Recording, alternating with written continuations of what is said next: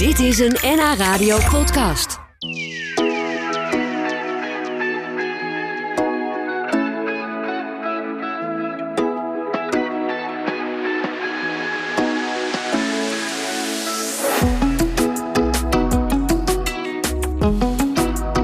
Tante Betty, daar gaan we het zo over hebben, beschrijft het bijzondere levensverhaal van de Surinaamse verpleegster Elisabeth Bergen, die in de oorlog onderduikers had in haar huis in Amsterdam, verraden werd en uiteindelijk concentratiekamp Dachau overleefde.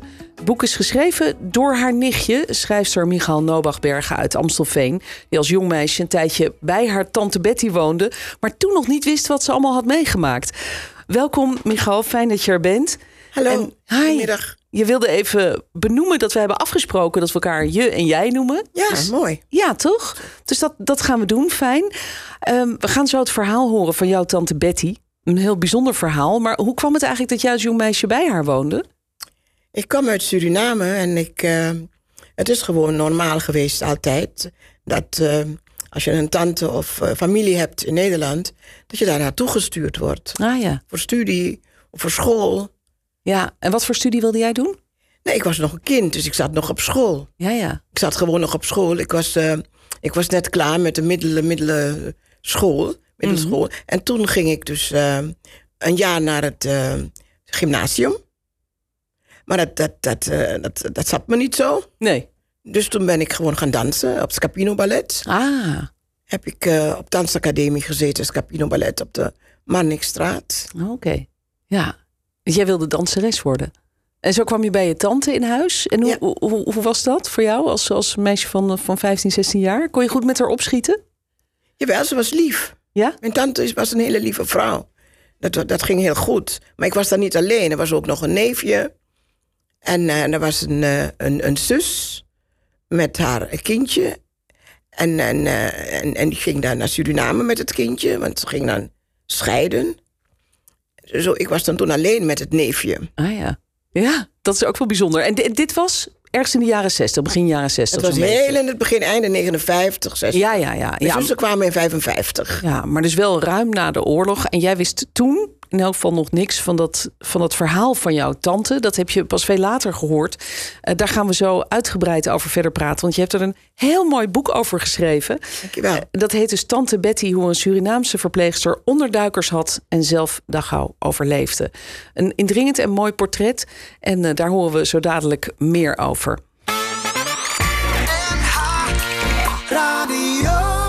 Eh Michel, dit was in de jaren 60 dat jij eh, bij je tante Betty woonde. Begin, ja. Ja, wat, wat voor vrouw was zij? kordaat. Echt eh, charmant, sympathiek. En ze was gewoon open en, en lief. Voor En alles. verpleegkundige was ze? Ja, toen de tijd natuurlijk niet meer. Nee. Nee, eh, nee, dat heeft daar niet als verpleegkundige gewerkt toen ik er was. Ze was gewoon huisvrouw. Ja, ja, ja, ja, want ze was natuurlijk getrouwd met, eh, met jouw oom Wim. Ja. Ehm, en ehm, ik, in jouw boek lees ik eh, dat het heel gezellig was vaak bij haar thuis. Ehm, Ja. Maar d- dat ze ook wel wat eigenaardigheden had. Bijvoorbeeld dat ze dan wel zorgde dat jullie allemaal lekker gingen eten. En dan ging ze zelf snel de keuken in. Ja, dat was haar eh, soort van oorlogssyndroom. Die ze dan had, eh, had zich ontwikkeld in haar leven. Ze at niet met ons aan tafel. Dat, eh, nee, dat deed ze niet. En wist jij toen waarom dat was? Nee. Ik, eh, ik vroeg het er wel steeds. We wisten natuurlijk dat ze in de oorlog eh, meegedaan had aan verschillende dingen. Maar als kind dan ga je er helemaal niet zo diep op in. Nee. Je hebt in Suriname geleefd en, en je hebt heel anders daar, daarna gekeken. Naar, naar Ja, eigenlijk. dat was toch een beetje verder weg. Maar zij heeft die oorlog wel hier meegemaakt. Eh, want, want wanneer, eh, hoe, waarom kwam ze eigenlijk naar Amsterdam vanuit Suriname? Ze, wilde, ze had een verpleegkundige eh, opleiding gedaan in Paramaribo, in het Lands Hospitaal.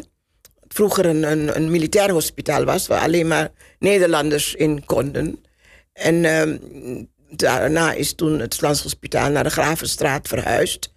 En de Gravenstraat heet nu, eh, heeft Henk Aronstraat. Maar daar, is ze dus, daar heeft ze dus een verpleegkundige opleiding gedaan. En, en toen eh, had ze gewoon dat verlangen naar Nederland te komen. Maar haar broer was Ja. al in Nederland. Hij was landarts. Oh ja, dus, Nederland. ja, dus ze had al een connectie hier. Ze kwam hier voor de oorlog, ruim voor de oorlog. Ja, einde, einde, einde 20. Ja, en eh, ze kwam hier natuurlijk wel in een gekke tijd, want het werd steeds grimmiger en uiteindelijk werd het oorlog. Vielen de Duitsers Nederland binnen en eh, moesten steeds meer Joden vrezen voor hun leven. En jouw eh, tante, die heeft toen iets bijzonders gedaan. Die heeft haar huis eigenlijk opengesteld voor een aantal onderduikers. En ehm, dat moet heel eng geweest zijn ook, want ja, dat was natuurlijk levensgevaarlijk als dat ontdekt werd dat, dat, heeft ze dat later aan jou verteld, hoe ze, hoe ze dat ervaren heeft? Want jij wist dat niet toen je bij haar woonde. Daar werd eigenlijk helemaal niet over gesproken. Ze, ze heeft het huis gekregen van samenwerking. Om, me- om, ze was met een, een, een hoogleraar getrouwd... die, die dus eh, in dat huis eh, woonde met haar samen. En, en toen eh, was het eigenlijk normaal dat ze in dat huis bleef. Het, dat kwam haar ten goede. En zo Ja. had ze plek om mensen onder te duiken. Want het was Ja. best een groot huis, begrijp ik. Hè? Want hoeveel mensen had zij in de onderduik zitten? Nou, het was natuurlijk niet altijd direct allemaal. Ja, het was verschillend. Er waren een paar mensen die van beneden naar boven kwamen. Joodse buren. En, en er waren ook dan andere mensen. Er waren kinderen. Eh, het was altijd niet gelijk, allemaal samen. Nee, nee, nee. nee er zat wat verloop in. En, dan- ja, Ja. de ene ging dan weg en de ene ging daar naartoe. En, en ja, dus zo werkte dat. ja, Toen ging dat gewoon. ja, ze heeft eh, zelfs, begrijp ik uit jouw boek, een, een baby op haar naam laten registreren. Eigenlijk een heel bijzonder verhaal. Ze ging zelfs net doen alsof zij zwanger was. Ja, fingeerde, fingeerde, fing- fingeerde zwangerschap. Ja, Die ehm, moest, moest zo gebeuren, want het kindje zou gaan huilen. En eh beslot van rekening, dan zou dat kindje in gevaar zijn. En zij en iedereen. Ja, maar dus- beslot, wat dan toch gebeurd is op een gegeven moment. ja, ja want je ze- niet tegen. Ja, ze zijn uiteindelijk verraden. Maar ik vond het heel, heel bijzonder om te lezen... dat dus een van die, van die vrouwen die bij haar was ondergedoken was zwanger. En toen was er dus paniek van wat doen we dan straks als er een babytje is? Die Ja. gaat dan misschien huilen. En dan, ja, dat is natuurlijk, dan weten mensen dus dat er hier mensen wonen... die hier niet eh, ingeschreven Dan staan. doe je iets, dan moet je handelen. Ja, en zij heeft toen dus besloten om een soort schijnzwangerschap aan te gaan. Dus elke dag deze wat meer doeken om zich heen... zodat ze wat Ja. dikker leek. Ja, dat hebben ze zeker samen met het verzet eh, besloten. En, Ja, en, en, en, en toen hebben ze erover gesproken hoe ze dat zouden gaan doen. Ja, ja heel, heel moedig ook natuurlijk om, om dit te gaan doen. Eh, weet je eigenlijk of zij veel contact had met andere mensen in het verzet? En ik, ik moest natuurlijk ook meteen aan Anton de Kom denken, de bekende Surinaamse Nee, dat, dat weet ik eigenlijk niet. Dat, Nee. Toen de tijd, want, want daar sprak, sprak ze niet over. Maar ik kan me toch wel voorstellen dat ze daar onder elkaar wel eh, contact hadden, natuurlijk. Want ze waren allemaal samen in, dezelfde, Ja, in hetzelfde eh, gebeuren. ja, in dezelfde stad, in dezelfde tijd, in het, in ding het verzet. eigenlijk. Ja, ze deden hetzelfde Ze deden hetzelfde. Ja, maar haar verhaal is minder bekend. Zij heeft er eigenlijk ook heel lang niet over gesproken. Totdat niet ze. met mij, niet Nee. met de kinderen in Nee. elk geval. Totdat ze op een gegeven moment bij jou en jouw man op bezoek kwam. Daar wil ik het zo met je over hebben. Ehm, jij woonde inmiddels eh, op La Palma, een eh, prachtig eiland. Daar had je een dansstudio. Dus het was wel gelukt om, eh, om danseres te worden. Wat je ook wilde, toch? Toen je naar Nederland Ik ben kwam. danspedagoge Ja. geworden, dat ben ik nog. Ja, Ja, ik heb nog tot paar jaar geleden nog danslessen gegeven, Ja. workshops en zo. Dus Ja. je, je- dat blijf je gewoon altijd. ja, precies. Maar goed, jij gaf de, de danslessen op La Palma. En toen is ze jou opkomen zoeken. En toen pas kwam eigenlijk dat hele verhaal over haar verleden eruit. Je had daar een, eh, een dansstudio, Michal. En jouw tante Betty die kwam daar op bezoek. Samen met haar man Wim. Om Wim, ja. Ja, eh, dus jouw oom Wim. Ehm, dat was denk ik al best wel heel bijzonder. Ehm, maar hoe kwam het dat zij opeens begon te praten over het verleden? Ja, het, het, kwam gewoon zo van het een. Ja, je, je weet het eigenlijk niet hoe dat zoiets begint. We hadden het ook over mij, over mijn manier van doen toen ik daar aankwam in Amsterdam en zo. Toen je als jong meisje Als bij jong haar kwam wonen. Ja, En, en toen heb ik, had ik het ook over haar manier van doen naar mij toe, vooral om Wims manier. ja. Want, want ze, ze wisten natuurlijk niet wie ze daar kregen uit Suriname. Het was, ik, het was anders dan mijn zussen. ja. Die waren Ja. wat. Jij was een beetje een spring in het veld, begrijp ik uit het Ja. boek. Ik, was Ja. een- ik, was, ik danste gewoon en ik was open. Ik zei gewoon alles wat er te zeggen wat, Ja. was. En jij had wel eens het gevoel dat jouw oom Wim daar wat moeite mee had. Dus daar heb je het met haar over gehad. Precies. En, en je zat met haar in de auto. Jullie reden door dat prachtige landschap van La Palma. Ja. En, en opeens kwamen die verhalen bij haar los over wat er eigenlijk allemaal gebeurd was in de oorlog. Ik denk dat bij haar iets losgekomen is. Ja, Dat denk ik gewoon, dat je, je zit gewoon en relax in zo'n auto. Je kijkt naar links en rechts en dan ga je plotseling praten. ja. Misschien had ze ook de behoefte eraan. En het was gewoon de tijd dat ze ging praten. Ja. Maar jij wist eigenlijk nog van niks. Dus je zat daar niets vermoedend min of meer met haar in de auto. En toen vertelde ze dus dat ze die onderduikers had gehad. Dat ze waren verraden. Dat ze eerst in kamp Vught terecht kwam en toen naar Dachau. Eh, Schrok je niet enorm van, van deze geschiedenis? Van een tante die je eigenlijk, eh, ja, waar je bij in huis hebt gewoond, maar waar je niks van hebt geweten. Ja, we wisten het wel, maar, maar globaal. We wisten het eh, niet in finesses, niet de- gedetailleerd. Ja. En het werd dus inderdaad gedetailleerd toen eh, uitgesproken. En dat was heel mooi. En eh, ook voor mij, ik was toen al een vrouw, dus ik kon het toen wel aan. Ja, Ik had kinderen en ik had een, een, een, een verantwoordelijke job op La Palma met die studio. Dus het, is, het was gewoon goed voor mij om daar ook over te kunnen praten met mijn tante. ja. Wat, wat raakte jou het meest in haar verhaal eigenlijk? Dat, wat we dus net gezegd hebben, dat ze er nooit over sprak. Mm. Zij, ze heeft dus echt voor ons gezorgd. Ze heeft haar leven gewoon eh, teruggesteld en, en, en zich... eh, ja, ze wilde mijn vader en mijn moeder eh, laten zien dat, dat haar, hun kinderen bij hun goed in huis zaten. Dus waarom zou ze over zichzelf gaan praten? Dat doe je niet zo met kinderen. Mhm. En dat, dat heb ik dus zeer aan haar bewonderd. Ja, Dat, dat ze dan... ja, dat ze dat niet verteld heeft. Ja, eigenlijk om jullie te beschermen. En, en misschien zichzelf ook wel een beetje. Want het, het heeft natuurlijk wel een, een, een zwaar eh, litteken bij haar achtergelaten. wat ze heeft meegemaakt.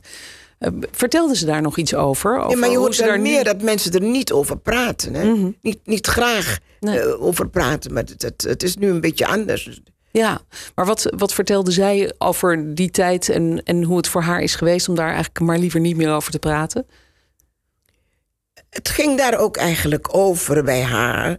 Dat ehm, je hoorde steeds moffen dit en moffen dat. En jij was getrouwd met een Duitser? Ik was met een Duitser getrouwd.